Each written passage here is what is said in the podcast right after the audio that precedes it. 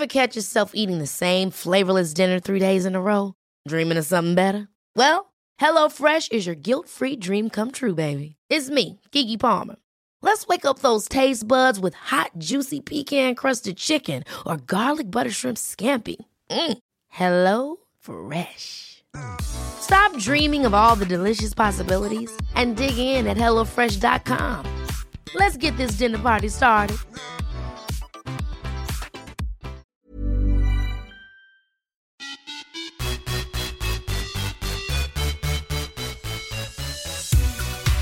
Hej och välkomna till Viss och Svärm on the run med mig Josefin Svärm och Sara Viss.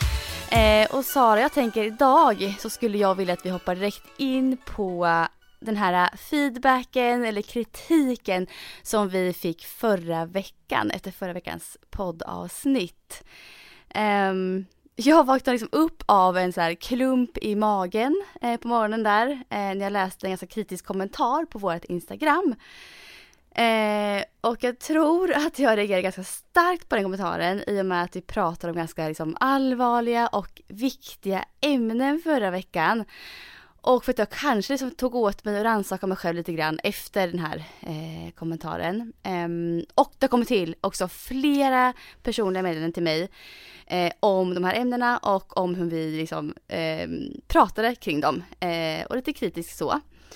Ehm, vi pratade ju om eh, covid-19 eh, och hur vi hanterar det, eh, huruvida vi går till gym eller inte, hur vi tänker där. Och så pratade vi också om hur vi hanterar eh, ätstörningsproblematik bland närstående, eller hur man ska hantera det. Ehm, kan inte du Sara, kan inte du, har du kritiken eller kommentaren framför dig som vi fick där? Eh, ja, jag kan ta fram den här. Kan du fram den? Ja, så, så ni som lyssnar nu hänger med på vad det liksom är jag pratar om och vad vi vill liksom besvara och prata kring här nu. Ja, och först av allt tänker jag också att säga att, liksom att vi är ju glada för all feedback vi får. Eh, det här avsnittet fick väldigt mycket positivt också, så det ska vi inte ta bort. Ja, absolut. Eh, men jag är glad att ni också känner er att ni kan skriva när ni tycker att vi har sagt någonting tokigt eller så, för det är också så som vi får rannsaka oss själva, får växa och också ta ett ansvar kanske som vi behöver tänka på att göra. Mm. Eh, det står så här. Jag brukar älska era avsnitt men hade svårt att lyssna på detta. I första delen rationaliserar ni kring era egna val att inte följa de riktlinjer som finns kring corona. Och andra delen om ätstörningar där ni landar i saker ni själva säger till människor om deras sätt att träna och deras kroppar. Brukar bli inspirerad och glad men kändes illa berörd av detta avsnitt. Efter att ha lyssnat på alla skäl till varför just ni kan gå och träna som vanligt och inte ska lyssna på riktlinjer samtidigt som ni tar coronatest. Skälen till varför ni kan säga vissa saker om kroppar till människor för just ni menar inte så. Jag tycker, podden, jag tycker podden och era perspektiv är så grymma vanligen, men detta kändes verkligen off. Fundera, fundera en runda till om ni verkligen inte kan följa riktlinjerna som finns och ja, Tack för en grym podd, även om jag inte håller med just i detta avseende. jag vill säga, gör det här igen nu Sara. Nu fick jag på magen igen. Jag mår lite, jag blir lite emot. jag gillar inte det här. Men ja, det men det kanske också, vi, vi, vi har ändå poddat oh. över ett år och vi har aldrig fått kritik tror jag. Nej, inte så här. Nej, det har vi inte. Så att det är alltid, och kritik tänker jag, det är ju alltid lite jobbigt att få. Men mm. jag tycker ändå att det var liksom en så här bra skriven, när jag läste den i alla fall blev jag så här, oj, ja, och sen kom jag ändå på att när jag själv lyssnade på vårt avsnitt, då reagerade jag också, framförallt på första delen om corona, att oj, vi pratar lite mot oss själva, vi säger en sak mm. och så, och framförallt att vi pratar väldigt, egentligen är det där ämnet så mycket, mycket djupare och det finns, jag tycker inte att det är svart eller vitt, men vi pratar på ett väldigt lättsamt sätt, väldigt öppet och ärligt, så som vi vill vara i podden. Mm. Men då mm. blev det kanske också väldigt fel, för att vi, mm. det låter ganska nonchalant skulle jag säga kanske. Ja, och det var inte alls, det är inte alls så vi känner eh, över hela corona och covid-19 situationen överhuvudtaget. Både du och jag Sara tror jag försöker verkligen ta ansvar, tänker på det här varje dag. Jag pratar med min sambo om det här varje dag och hur jag liksom känner att man borde göra. Eh, så jag känner nog att både du och jag egentligen försöker verkligen ta ansvar. Eh, men att det kan ha låtit lite lättsamt eh, och lite motsägelsefullt när vi pratade om det här förra veckan. Och det är jag liksom så här ledsen för om man känner så och jag förstår att man kanske har uppfattat det så också. Ja, och jag känner så här, jag börjar själv, eh, det var, jag rannsakade mig själv, jag började fundera också varför mm. är det viktigt för mig att fortfarande gå till gymmet, varför kan jag tycka att det är okej okay för mig att göra det. Eh, och det, alltså det som jag tror känns konstigt för mig, det är att om inte jag hade varit föräldraledig, då hade jag varit på gymmet varenda dag i och med att det är min arbetsplats. Mm. Så att för mig känns det så här, ända sedan coronan kom, då jobbade jag fortfarande, då var jag inte föräldraledig. Då har ju vi, hela gymbranschen, hela tiden försöka möta rekommendationerna, försöka eh, göra, alltså tänka allt på att förminska smittspridningen, försöka ligga steget före. Det har vi liksom gjort hela, hela tiden och det tänker jag har jag med mig i gymmiljön. Med det sagt så säger jag inte att det är rätt att gå på gym, men för att liksom lite förklara hur, hur jag har tänkt. Det är inte för att rättfärdiga det. Jag tänker att man sätter restriktioner för att minska eh, smittspridningen där det oftast blir mycket folk, man har svårt att hålla en eh, eh, avstånd och att det är där man då kär ner på att försöka att undvika de här ställena, så som också kommunalt, att åka kommunalt, att röra sig i shop, eh, vad säger man, köpcenter och mm. butiker och så. Mm. Eh, och då har jag, gör jag, jag ju min riskbedömning i var jag rör mig i vardagen. Eh, utifrån, ja, att det handlar ju inte bara om att jag inte ska bli smittad, det handlar ju om att man ska absolut inte heller skicka vidare smitta. Så att det, det, det räcker ju inte med att bara att säga så här att jag är inte är rädd att bli smittad, för det är ju inte det som är problemet. Nej, det, det, är ju inte nej, att jag ska bli inte. sjuk. Det är ju att man ska sprida det vidare. Mm. Och då om man liksom analyserar sin egen vardag, som jag hoppas och tror att alla gör, så vet jag som att jag är föräldraledig, jag är inte på jobbet, jag åker inte kommunalt. Jag handlar, alltså vi har ju möjlighet att handla, du, vi har ju bil, så vi kan bara plocka upp färdigpackade påsar på Willys. Eh, mm. Så att jag är hemma och jag hämtar Rasmus på förskolan utomhus. Och så tänkte jag då också, går jag på gymmet som är i samma lokal och det är noll till fem personer där och sen går jag hem. Mm. Så då räknar jag ju min smittspridningsrisk som låg. Och därför kanske inte jag har tänkt på den sen så mycket mer ändå för att jag har känt att ja, det här jag rör mig och sen hem. Men mm. med det sagt så, säger, så är det ju ändå fel att diskutera att säga att det är okej okay att gå på gym, för det är ju mot en rekommendation. Och det är ju ja. ingenting jag vill uppmana till, för att jag vet att alla kan inte göra det på samma sätt. Och det blir ju ändå att vi, man kanske normaliserar att gå på gym när man visar att man är där och säger att man är där. Och, så jag fattar. Jag fattar att det blev problematiskt och det blev fel och jag behöver också fundera igen. Ska jag kanske speciellt nu då under de här veckorna när det är som mest, mm. inte gå dit. Mm. Uh. Du, är lite där, du är lite där nu, där jag var nästan förra veckan. Mm. Alltså, för då var jag så här i valet och kvalet, ska jag eh, sluta mitt styrketräningsprogram som jag har här över tio veckor, ska jag strunta i gymmet, eh, våga gå dit någon gång när det inte är en enda människa där eh, och sådär. Um, och jag har ju rannsakat mig själv också den här veckan och eh, jag har kommit fram till att eh, jag eh, har avbrutit mitt program nu, har gjort. Så det kommer inte jag följa. Eh, jag eh, kommer inte heller nu under några veckor vara på gymmet. Eh, inne på gymmet. Eh, jag känner väl att min situation också är lite annorlunda än din Sara. Jag känner ändå att jag för mig är det ganska, och jag tror för många andra också, att för mig är det ganska lätt egentligen att bara säga att eh, jag skippar den här inomhusmiljön nu, eh, den här tiden. Alltså jag har egentligen inte något superbehov av att köra styrketräning på gymmet. Eh, så för mig blir egentligen valet ganska enkelt och det insåg jag förra veckan när vi fick kritiken så här att alltså för mig, jag behöver inte ens fundera. Jag kan bara, jag hoppar, hoppar av programmet och så följer jag upp det sen, senare. Eh, jag kan springa ut, jag kan vara ute och träna istället.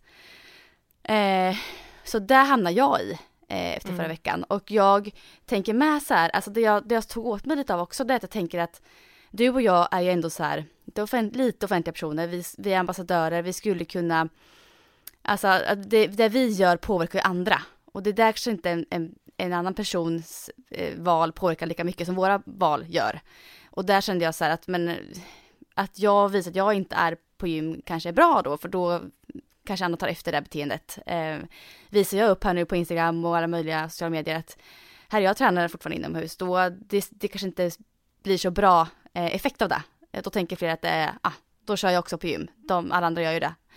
Så jag tror att jag hamnar mycket där också, att jag har lite, jag känner att jag har lite ansvar, jag känner att eh, jag kan göra en bra eh, inverkan på andra människor och jag behöver sagt inte eh, gymmet. Så för mig är egentligen, och det var där verkligen tog åt mig den här kommentaren, att för, för mig är ju valet ganska jätteenkelt, egentligen. Det är, så jag la ner den, den, den planen nu här som jag hade. Mm. Um, så jag hamnar i det. Ja, och jättebra. Och jag eh, känner nu, framförallt de här veckorna nu som de här, som det är striktare, så kan jag också absolut ja. hålla bort mig. Långsiktigt eh, får jag se hur jag gör för att mm. Och det här, nu, det här handlar inte om träning. Det här kom också fram när jag rannsakade mig själv. Det är det som kanske också är bra när man rannsakar sig själv. Att jag, för jag kände att jag blev väldigt ledsen av tanken att inte gå dit. Och då började jag fundera, varför blir jag så ledsen? Alltså så här, jag kan ju träna hemma med en kettlebell eller någonting. Och då, det var där det kom fram också att för mig är det inte träningen. Det där, för mig hade det varit kanske ett andrum i vardagen för att nu, speciellt senaste tiden så har Lasse jobbat jättemycket. Så jag har varit ensam mycket med båda barnen, både kvällar och helger. Och då att så här, få gå iväg till gymmet, den energin, bara tanken på att jag ska dit imorgon. Och mm. att jag mm. får vara där själv helst. Eh, och att sen efteråt, alltså det, det är liksom så här, det är enda gången som jag kanske känner att jag får bara vara mig själv, jag får vara Sara, jag får göra saker som ger mig energi. Eh, och det var nog av den anledningen som det skulle bli jobbigt för mig att ta bort den, för att mm. som jag sa, att går jag inte dit, då har jag ingen annan punkt i och med att vi har skalat ner så mycket och vi har inte familj och så här i Stockholm heller mm. som vi räknar till våra, de här umgås med, vi med inomhus, utan det är ju Lasse och barnen. Eh, sen kan jag gå någon barnvagnspromenad med några som är föräldralediga på ön. Men de har ju liksom stängt ner, det finns ju inga öppna förskolor. Man kan inte det här just som så här, som man tänker sig föräldraledig, ta en kaffe på stan med kompis, alltså det, allt är ju borta. Mm. Så det var mer att jag fick få den här klaustrofobikänslan av att nu, nu det enda lilla stoppet jag har, som då kanske också är två gånger i veckan, att mm. nu ska jag inte gå dit heller. Eh, så att den känslan, jag, och det här, jag vet, folk kanske stör sig ännu mer på det här nu, men jag känner att jag vill fortsätta vara öppen och ärlig med hur jag känner. Mm. Sen är inte det, det här, ja. det här är ju inte liksom så här, igen, jag tycker att det är svårt att säga vad som är rätt eller fel, svart eller vitt. Men det här är hur jag känner, men jag kommer, som sagt nu under de här när det är som värst, jag behöver inte vara där. Eh, och sen får jag se att har jag möjligheten att senare eh, vara där när jag vet, jag vet ju typ nu vilka tider där, där det är tomt. Eh, att kunna gå dit då och då framförallt också helt utan Lias så jag verkligen får den här mentala grejen som jag är ute efter. Att få vara själv i fred utan att passa upp någon. Det är ju den som egentligen är viktigare. Och jag tänkte så här, men kan jag få det här hemmaträning? Nej, för då står jag liksom i kaoset. Det gick ju förut mm. när vi hade mm. varit ute ju, men det är för kallt. Ja. Det, jag tappar njutningen av, av det här, just att bara, åh, nu vill jag bara vara i min bubbla. För att det blir för mycket saker som stör sig när jag typ fryser om tårna och händerna och sådär. Mm. Löpningen kan ju vanligtvis vara en sån grej, speciellt för er distanslöpare. Men det är också min kropp, jag, jag kan inte springa så idag. Nej. Inte så att jag liksom så här, åh det här är bara njutning och jag kan bara eh, vara ute en timme och springa. Utan det är hela tiden, där är jag ju så här ett läge att jag måste känna efter, jag måste vara liksom så här på ett annat sätt. Eh, så ja, nej, jag tycker det är jättesvårt, men det är en viktig diskussion och som sagt det är jätteviktigt att rannsaka sig och för, liksom förstå varför gör jag som jag gör, kan jag ändra? Eh. Det är det här, jag tror också som du sa, nu kommer det säkert bli så här, ja, att vi får liksom reaktioner även på det här vi sagt nu. Mm. Eh, att det blir, ja, för vi, alltså det här är ju med våran podd med och vi som personer, att vi är ju väldigt öppna och ärliga och vi säger det som vi tänker, det säger vi högt här i podden. Ja. Eh, och jag tror vi säger sådana saker som väldigt många också tänker. Så att jag, vi vill liksom inte sitta här och ljuga för er. Det är där vi känner också. Eh, det är så här våra tankar går och vi är helt, är helt ärliga med hur vi ser på det och hur vi tänker. Eh, men att vi verkligen efter förra veckan har rannsakat oss själva. Där är både du och jag Sara, eller hur? Jättemycket. Ja, absolut. Och framförallt det här med att ta ett större ansvar, eh, vara en förebild. Och det hamnar man ju oavsett om man vill eller inte, som när man har flera följare, att Ah. behöva vara eh, förebild. Och det kan ju också vara ganska svårt, för att det är ganska mycket man ska leva upp till, eh, inte bara Mm. corona. Eh, Mm. Så men vi, vi gör ju vårt bästa, men vi måste också vara ärliga mot oss själva. Eh, vi vill vara ärliga mot er. Eh, Mm. Och men framförallt så tar jag absolut till mig kritiken. Och eh, jag har inte varit på gymmet, det har jag inte varit. Men någonting Sara, ska vi gå över till något positivt? Ja. Ja, vi lämnar det här nu, kritiken som var och eh, så och går över till alltså, valet i USA. Ja, För det Alltså, det är ju någonting som har blivit positivt sen sist vi poddade i alla fall. så skönt att Biden gick och vann, tog hem det här. Alltså, Jag trodde ju förra veckan sa jag att Trump låg bäst till. Men Biden gick ju och vann. Ja. Fy fasiken vad gött. Och var- jag bara checka av den ångestklumpen för det känns som att senaste Ja. tiden har jag haft mycket så här ångestklumpar i min, inom mig. Men jag har fortfarande lite ångest med så här vad som händer nu och jag är lite rädd för att det ska bli våldsamt och jag är lite så här. Ja, det är lite oroväckande just Ja, nu. Det men- absolut USA. Mm. Det känns ändå som en jättebra, alltså det känns ändå som bästa möjliga situation och att alltså det blir lite mer hoppfullt både för USA men framförallt alltså för hela världen. Eh, så det känns Ja, jättebra. Att det blir Verkligen, en annan att det- riktning nu. Tillbaka lite Ja. mot vad Obama hade byggt upp. ja, och att Kamala Harris blev alltså den första kvinnliga vicepresidenten genom tiden i USA. Ja, Det tror jag också kommer ha jättestor effekt på samhället. ja alltså det är ju så, det blir ju en, alltså det är 2020, det är så konstigt att det är först nu, men samtidigt, Ja, alltså det är man, sjukt egentligen. ja, men det är också så här, så här när hon håller sitt tal, liksom, ja, att hon är sin, den Mm. första kvinnan här, men absolut inte den sista. Och du vet att det här, jag tror att nu kommer det ju vara så här, ja, det kan lika bra bli en kvinna som man. Det är det som ändrar Ja. nu. Mm. Och framförallt för alla små tjejer som ser det. De kommer ju växa upp nu med att det spelar ingen roll om du är tjej eller kille. Nej. Eh, det, för dem är det ju ingen skillnad för så har det ju alltid, det har ju varit en tjej där också. Alltså, och det är det man Mm. bara, ja, är väldigt glad för. Och Ja, det känns...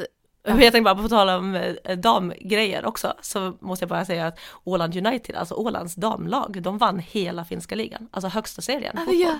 Jag såg sto- din story på det. Ja, Va- och det är också så här- kul. Ja men alltså jag blir så himla stolt för jag blir så stolt på föreningsarbetet inom, för oftast när det vinner, det är ju oftast storklubbar som vinner, alltså om man tänker i Sverige så är det oftast något Stockholmslag eller Malmö eller alltså det eh, oftare stora lag. Och så är det ju Ja. i stort sett inom all idrott och då, jag menar Åland, det bor 28 000 eh, personer där. Och att de, det tyder på att de har, de har gjort mycket bra eh, under säsong, under många år. Eh, och jag är så himla, himla glad att de tog sig, de vann dessutom också finska kuppen som är så här, så de är dubbelsegrare i Finland i år. Så att det är så häftigt tycker jag och eh, kul att lyfta damfotbollen och att det, ja, och Åland. Stoltheten där alltså. Det är stoltheten och också där samma sak, alltså alla yngre fotbollstjejer som ser Ja. på Åland det här att de Ja. vinner hela finska ligan och de bor här på Åland. Du behöver kanske inte bo i Helsingfors för att ta dig eh, liksom, så långt utan du kan ta dig så långt av att, liksom, med de resurser som finns på Åland och jag tycker det är så det är, det är så starkt för åländska idrotten och för föreningslivet. Fantastiskt ju. Grattis Åland. Ja, verkligen. Ja men du ska hoppa över till eh, något annat. Ja, vårt dagens ämne som vi påbörjar en halvtimme senare. Ja exakt. Eh, nej men vi kikade på den här serien, eh, den är, du, du klarar mer än du tror och det är alltså Clara Henry som tillsammans med sin PT Thomas Skoglund, var, hur, hur jag liksom snappade upp den här serien det var ju också för att eh, Thomas Skoglund eh, jobbar ju på det här eh, Fit, eh, Fit for Life gymmet som, som jag har tränat på här på senaste, här på Lidingö. Eh, och den här serien har spelats in även där så då blev det lite så här roligt att man ville se vad det var de har gjort. Eh, och den handlar ju om att Klara, som är mer känd som en komiker, eh, eller skådespelare kanske, jag vet inte, vad säger man? Både och. Ja men jag tänker också mer kom, ja både och, ja precis. Ja. Ja. Eh, Mm. nej men hon, både hon och Thomas säger att hon är en person som alltid, alltid ger upp. Att oavsett om han säger att hon ska göra tio armhävningar så gör hon sju. Alltså så här att hon vill, hon känner alltid för att sluta. Och, ha, Mm, och upplever sig själv också så här, nej men jag kan inte pusha mig själv, jag ger alltid upp. Och det tror jag att ganska många också kan känna igen sig, att man, man har inte det där Ja. att jag kan bita ihop. Det finns nog en stor igenkänning i det Ja. hos många.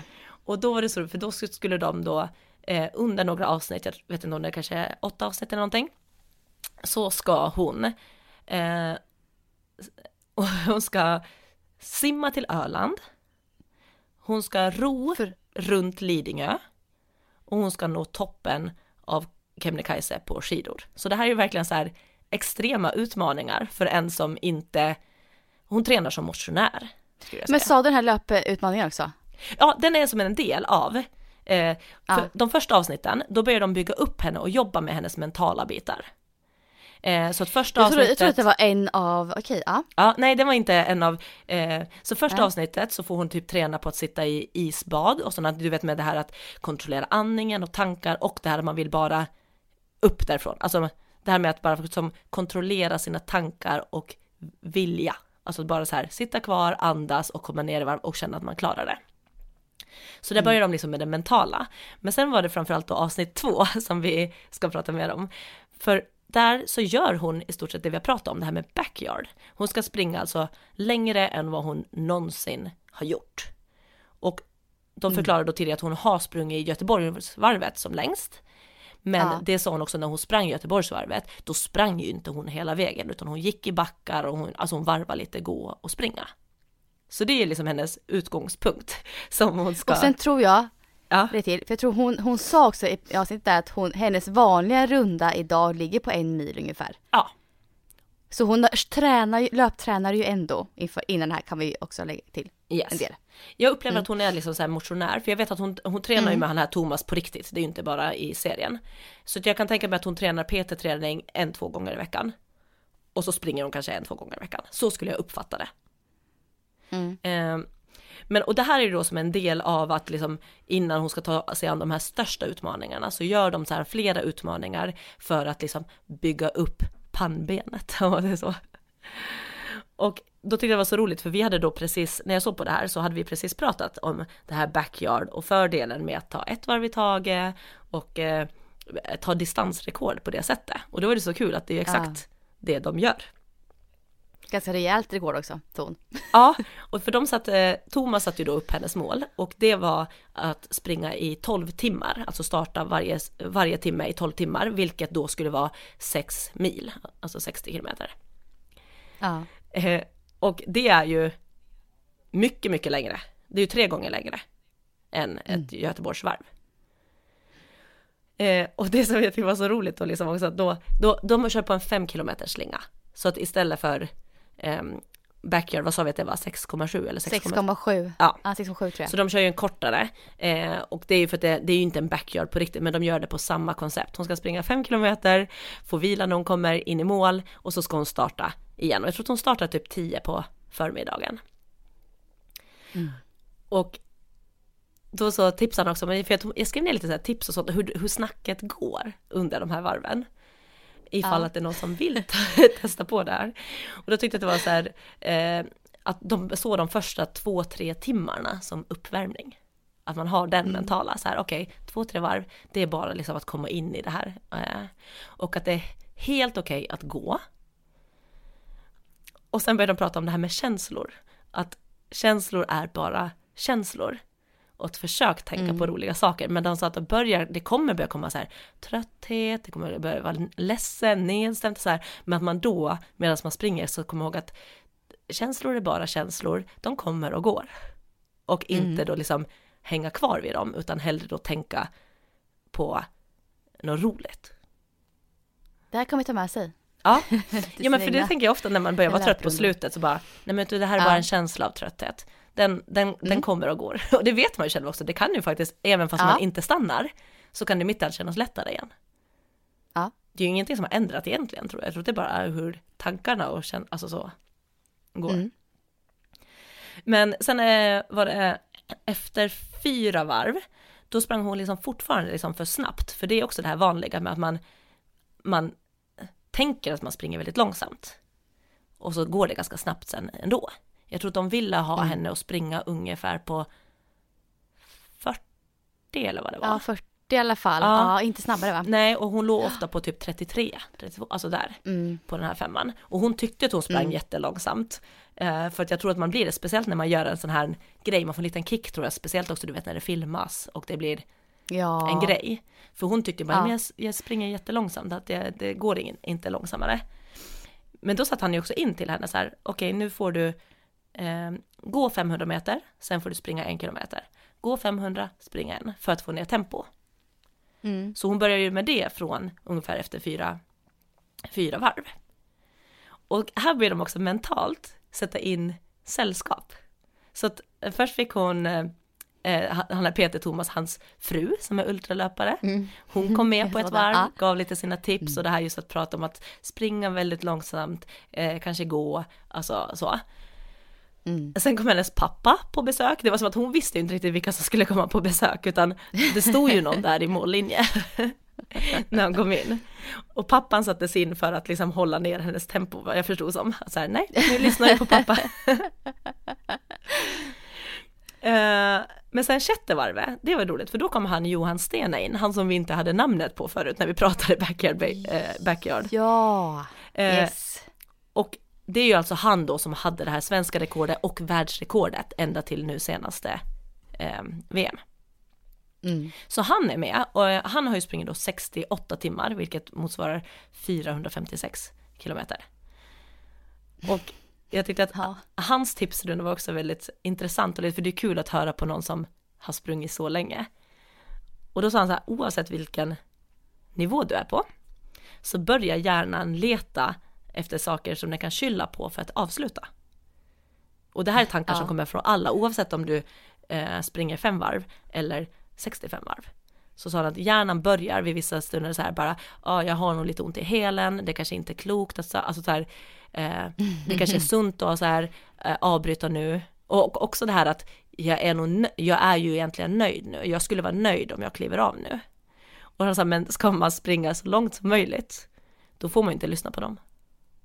Nej. Då får du inte lyssna på att du skulle vara nöjd med att kliva av, även om du Nej. skulle vara det. För, och det där tyckte jag var intressant, att han var så här, det här kommer till alla. Och vill du springa rekord, rekord, då får du inte bry dig om allt det som hjärnan kommer att hitta på för att du ska kliva av. Och även som person som Klara då som alltid annars liksom ger upp och är nöjd väldigt snabbt. Så där tror jag träffar henne ganska rätt där.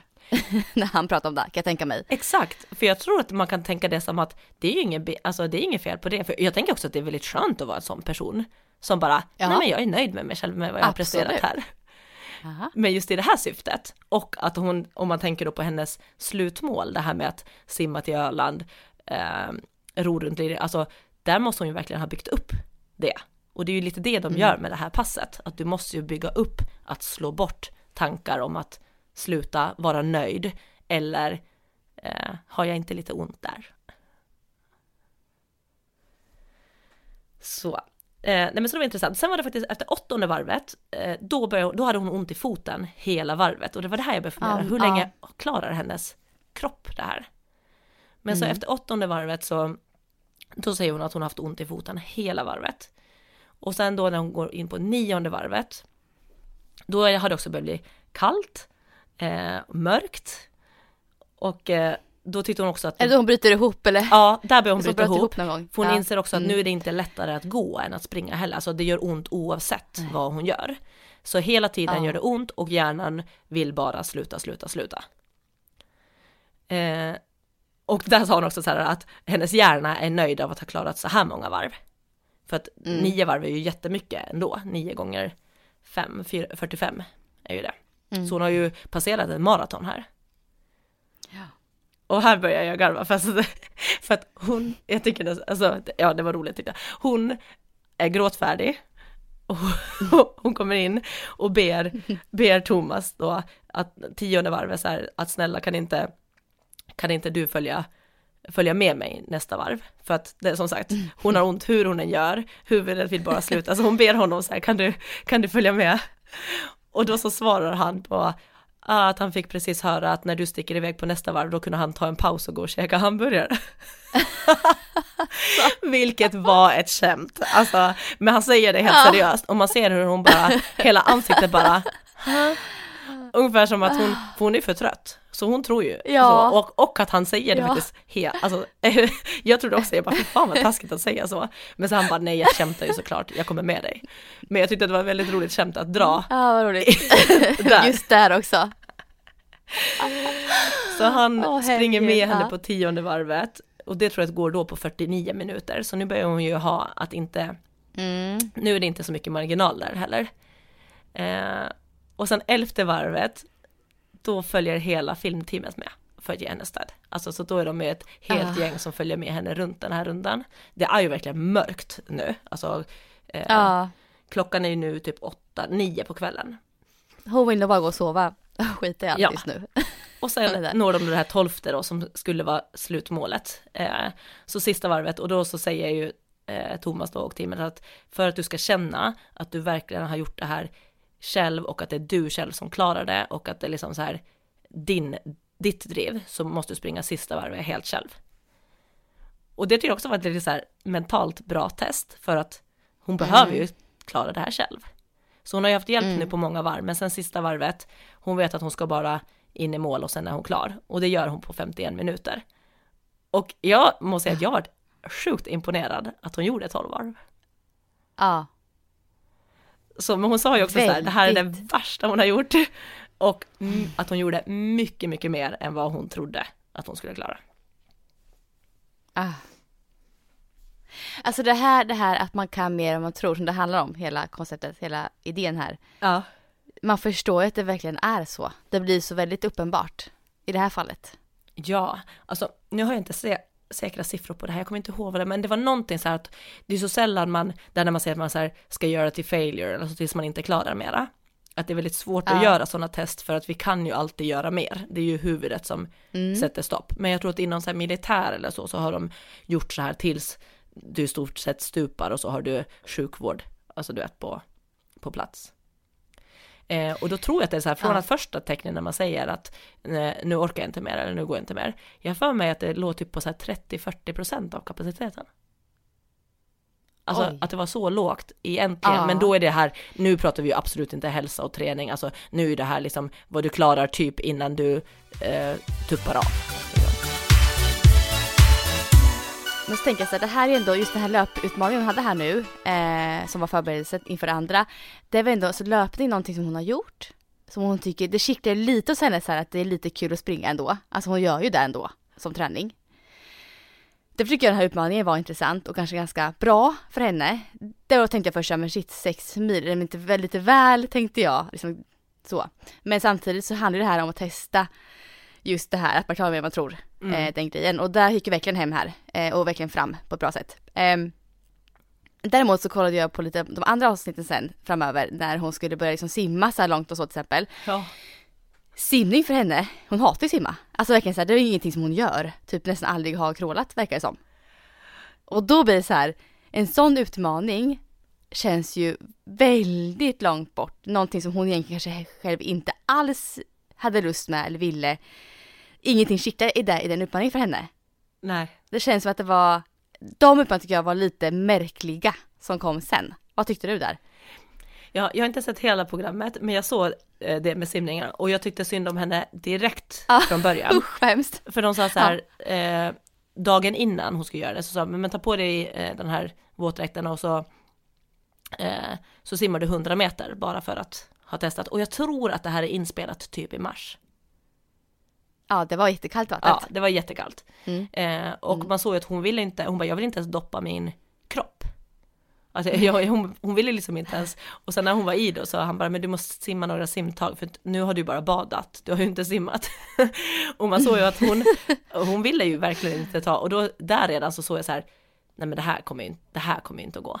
Och det handlar Nej. ju också om, eh, jag tänker inställningen till att man ska klara det, att du klarar mer än du tror, den, mm. det blir ju ännu tuffare om du känner det här med att du inte har kontroll på, som, som du sa, att hon, är ju, hon kan ju springa, det gör hon ju. Mm. Hon känner nog att det är Ja. liksom inom sin kontroll. Men att man märkte att Ja. hon var inte bekväm med att simma. Nej. Och att då dessutom ha, göra en sån här extrem utmaning. Hon skulle simma från Kalmar till Öland. Och då vet jag ju Ja. att Ölandsbron är 6 kilometer. Så det är ju ungefär Ja. 6 kilometer simning i öppet hav i mars. Från någon som inte simtränar. Nej, men alltså det är, det är så grymt så jag nästan typ, nej fy. alltså, jag tyckte så synd om henne.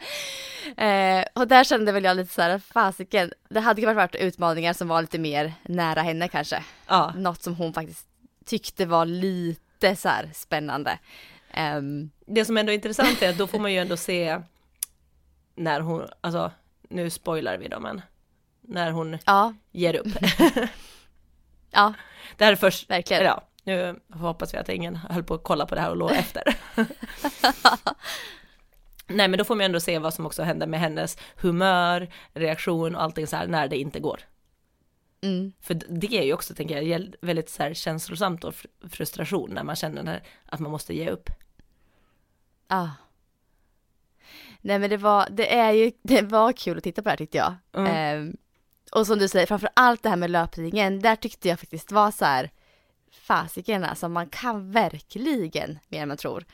Ehm, och jag tror många av oss som liksom satsar på att eh, prestera, eh, kanske springa distansrekord, springa sin första mara, tror man inte att man kan det idag så kommer man kunna göra det, om man ger sig fan på det. Så är det. Ja. Jag tror verkligen det.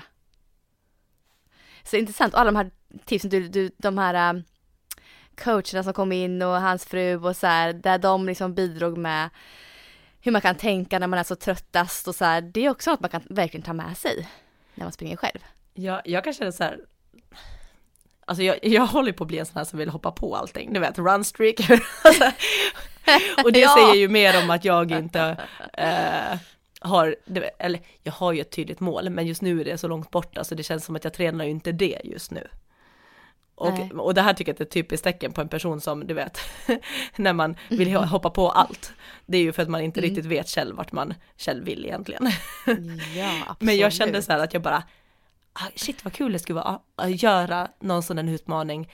Med just den där känslan när man bara så här, jag orkar inte mer, jag orkar inte mer, jag orkar inte mer. Men att måste fortsätta och för den där stoltheten som kan komma efteråt. Ja, Den är ju så här, alltså man kan ju leva på det väldigt länge och det där igen, det här som vi var inne på förut som med styrketräning, där man, växer lite som person när man märker man kan mera än vad man tror. Ja. Eh, typ, det, det här tycker jag var lite samma grej, liksom bara att det här blir mycket Mm. mer extremt, men det ger ju också en känsla så här, shit, jag har eh, sprungit sex mil och jag har fortsatt Mm. varv efter varv efter varv, fast jag kände att jag kan inte, nu kommer jag inte att kunna ställa mig upp igen, så har jag gjort det. Och den känslan det här tycker jag måste ge ja. extrem kick. det, ja, det tror jag verkligen. Och det här var en sån grej som jag, nej men swimrun förra året, eh, som jag aldrig, jag tävlade ju aldrig i swimrun sen. Eh, det hade varit en sån grej för mig. Att hade jag gjort det, tävlat någon, någon simmartävling, en kort tävling, vad som helst, så hade jag varit så sjukt stolt över mig själv. Alltså det hade varit så här, gått över min gräns så mycket för vad jag egentligen trodde jag skulle kunna klara av. Så det hade varit en sån grej som jag i, i efterhand så här borde ha vågat mig på. Alltså jag fick frågan typ i sent eller var augusti eller någonting av en tjej och hade följt med henne på en tävling som faktiskt var nu i somras. Eh, och det var en vecka kvar till tävlingen när hon frågade mig och jag vart så här. Jag sa ju nej till henne. Men i efterhand tänker jag så här, tänk om jag hade sagt ja. Då hade det här varit en sån utmaning som hade fått mig att bara så här. Det kickade ju lite grann, så jag hade, kun, jag hade nästan kunnat ställa på startlinjen. Men jag var livrädd samtidigt. Men hade jag gjort det så hade jag ju fått den här känslan efteråt. Ja, Garanterat. ja. Mm. Men, och jag, jag börjar känna också, för jag känner ju igen den här känslan. Jag bara, jag känner Ja. igen den här känslan när man bara känner så här, jag vet inte hur det här ska gå till, men jag kommer på något sätt att lösa det. Och så börjar jag bara, Mm. var har jag haft det? För det är ju inte de senaste åren. för jag tror, Nej. jag kan ju uppleva att jag är väldigt bekväm i min träning, men det är också för att, men det är nog också Ah. för att um, sprintträningen är ju på ett annat sätt. Och, eh, eh, alltså, det, det är tungt på ett annat sätt, men det är ju så kortvarig. Ja. Det handlar ju mer om att antingen klarar man det eller så klarar man det inte. Alltså typ tunga lyft också i gymmet. Antingen får jag upp stången eller så eh, klarar jag det inte. Det är inte så, Mm. det är inte det här att jag måste bita ihop och ha pannben. Men då tänkte jag, Nej. det kommer från min crossfit-tid. För jag kan säga som när man tränar crossfit och framförallt där. tävlar i crossfit, Oh. där är Ja. det pannben. Ja. Och där, är det, Ja. där har det varit många gånger att jag har liksom tittat på skivstången och tänkt att så här, jag kommer inte att kunna lyfta den en enda gång till. Men så ser man på klockan att så här, ja, det är 30 sekunder kvar och jag ligger bra till och då på något sätt så åker den här stången upp några gånger till fast man typ inte ens känner Mm. sin kropp. Mm. Och där har jag liksom där, och speciellt om man tyckte jag tävlar i lag och resten av laget så här, kom igen, kör, kör, du klarar två, alltså så här, då åker den där stången upp på något sätt. Fast det är så här, hur kan den göra det? När jag typ inte ens känner Ja. att jag kan greppa den. Det är inte, nej, precis. Det där, ah, och den känslan Sara är ju helt fantastisk. Ja. Så jag tror att det är därifrån jag tror jag känner igen och jag kommer Ah, ihåg under, jag kommer faktiskt ihåg när jag tränade crossfit då som mest, då när jag också tävlade i det. Då Ja. kommer jag att vi hade ett pass, jag kommer till och med ihåg att det var på onsdagar, så onsdagspassen, de var just för det här att också utveckla eh, det mentala. För det var riktigt jobbiga Mm. pass, jag kommer att det var eh, så här, every minute on the minute, eh, det alltså betyder att man ska göra en övning eh, varje minut. Så säg att det var till exempel 10 stycken front squat och då pratar vi säkert en skivstång som var i alla fall 50 kilo eller någonting som du måste ta upp från marken. Mm. Så det var väldigt tunga sådana och sen var det efter det kanske 10 stycken pull-ups, 10 stycken boxjump, 10 stycken och så var det kanske fem olika övningar som du ska göra. Men det var också då i 45 minuter. Så du visste när klockan kör Åh. igång Ja. så är det de här övningarna som du roterar på i 45 minuter. Så det fanns ingen mer vila än vilan när du var klar efter eh, eh, repsen där. Och var det så att man inte hann, för ibland kunde det vara- kännas det som att man ville typ ge upp och bara, "Åh, jag orkar bara fem pull-ups. Men då fick jag inte gå vidare till nästa, utan då måste jag göra mina tio på nästa minut, så då halkar jag ju efter gruppen. Ja. Då fick jag ju, jag vilade ju där, alltså, ja, när den pep då för nästa minut och de gick vidare. Då hade jag den minuten på mig att göra klart. Och sen vila, så då låg jag automatiskt ett steg efter resten av passet. Så man kunde liksom aldrig säga bara, äh, jag orkar bara fem och vilar. För att jag vet att jag får inte gå vidare förrän jag har gjort mina tio och jag kommer bara halka längre efter gruppen. Alltså vilket pass. Ja, och sen var det här då, det här tror jag vi Åh. körde i fem veckor och för varje vecka som gick så adderades repsen med två. Så att om vi hade gjort tio första gången när det kändes ändå så här tungt första gången så skulle vi göra 12 av allting nästa och sen 14 och sen 16 och jag kommer ihåg att jag kunde redan på tisdag ha ångest för de här passen för att det var så tungt men det som ju fick mig att ta igenom det det var att torsdag var vilodag. Och jag visste så här när jag är Aha. klar med det här då behöver jag inte göra någonting imorgon. Alltså på den nivån var de där passen, kommer jag ihåg. Och, men det var ju, varför jag kommer ihåg dem också så här många år senare, är ju tror jag just av den där känslan. Att man klarar mer- mer än vad man tror och man är så fruktansvärt nöjd efteråt när man har pushat den där gränsen och pushat och pushat och pushat. Eh, och man tänkte så här nästa vecka, jag kommer aldrig klara två reps. Men sen stod man där veckan efter. Och så hanterar man ju det på något sätt. Så att jag tror att det var där jag kände igen den känslan och den är härlig, men den är fruktansvärd, men någonstans saknar jag den nu. Ja. Jag bara, vad kan jag hitta på för utmaning som skulle vara sådär? Jag bara, ska Josefin och jag köra en backyard? ja, det kanske ska göra. Det kanske vi borde göra. Alltså ibland tänker jag att jag skulle vilja göra det, men där känner jag, sen är jag ju så här för rädd för att på skada varsitt mig. håll. Jag vet inte hur hon och Klara jag heller förs- mådde efter. Men det är det jag tänker, så här, jag, jag är allt för rädd för att skada mig. För att göra något så här eh, på skoj. Ja. Det är där jag känner med en backyard. Det, vore, det är lockande att göra det någon gång faktiskt. Verkligen. Eh, men som sagt, man är rädd för att skada sig. Så att, att jag har ett knä som är lite halvbra Mm. eh, och en fot som har varit skadad förra året. Så jag, jag skulle nog vara lite rädd för att göra det just nu. Ja, Faktiskt. Just för skador. Men det skulle vara kul egentligen att prova. Så att jag, mm. Ja men precis bara få den där mentala kicken. Man får hitta den Ja. någon annanstans kanske. Ja. Kanske får vara så. Ja, men jag skulle säkert kunna göra något liknande crossfit-pass, för den, den blir ju inte lika slitsam, för det här tar ju också då bara 45 minuter, men då måste man ju ställa upp intensiteten så att det är riktigt tungt Mm. under de 45 minuterna. Då får man ju samma känsla. Ja. Jag vet inte hur det skulle vara så som hon gjorde nu, så här hålla på i 12 timmar. Jag känner att, Nej, precis. Lång tid alltså. ja, Mm. där skulle ju du vara bättre än mig. För jag känner att jag, Ja, det borde jag vara. att jag tror att du är Och du är bättre uthållig mentalt också. Mm. För att du har tränat mer på det. Ja. Ja. Ja, grejen är att jag, det, är nog min, det har nog blivit min styrka lite tror jag, det Ja. mentala. Nu det hade du varit bättre jobbiga. ändå än mig på backyard ändå. Det var inte så jag Ja, menade. men det borde jag väl vara i alla fall. Ja, men... det var inte så jag menar. Men jag menar bara mentalt hade du nog också varit mycket bättre det. på det upplägget. Ja, för jag har ju, som du säger, jag har ju tränat på det väldigt mycket. Så det är klart att det är, det är, det är, det är ju en träningssak. Mm. Att träna ut den mentala, den styrkan. Det kan alla göra. Men, eh, ja.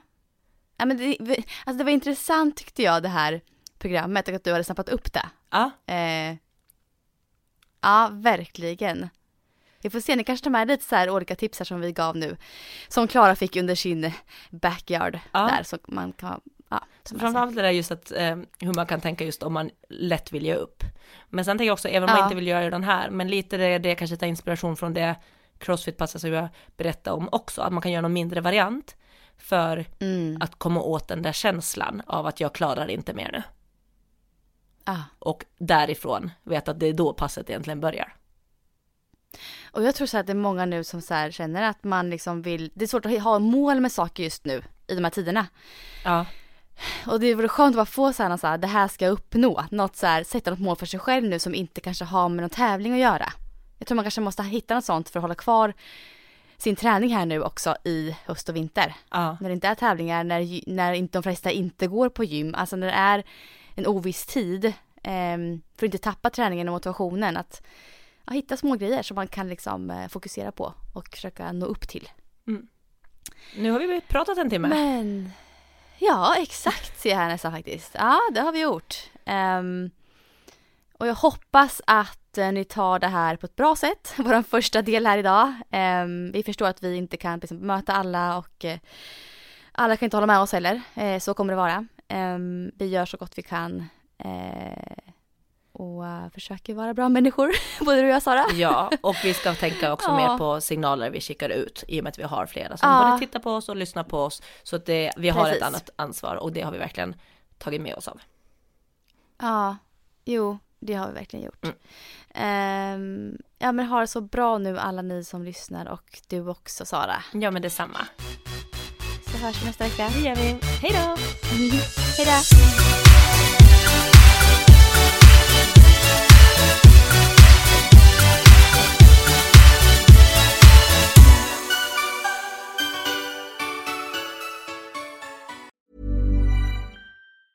Ever catch yourself eating the same flavorless dinner three days in a row? Dreaming of something better? Well, HelloFresh is your guilt free dream come true, baby. It's me, Kiki Palmer. Let's wake up those taste buds with hot, juicy pecan crusted chicken or garlic butter shrimp scampi. Mm. Hello Fresh. Stop dreaming of all the delicious possibilities and dig in at HelloFresh.com. Let's get this dinner party started.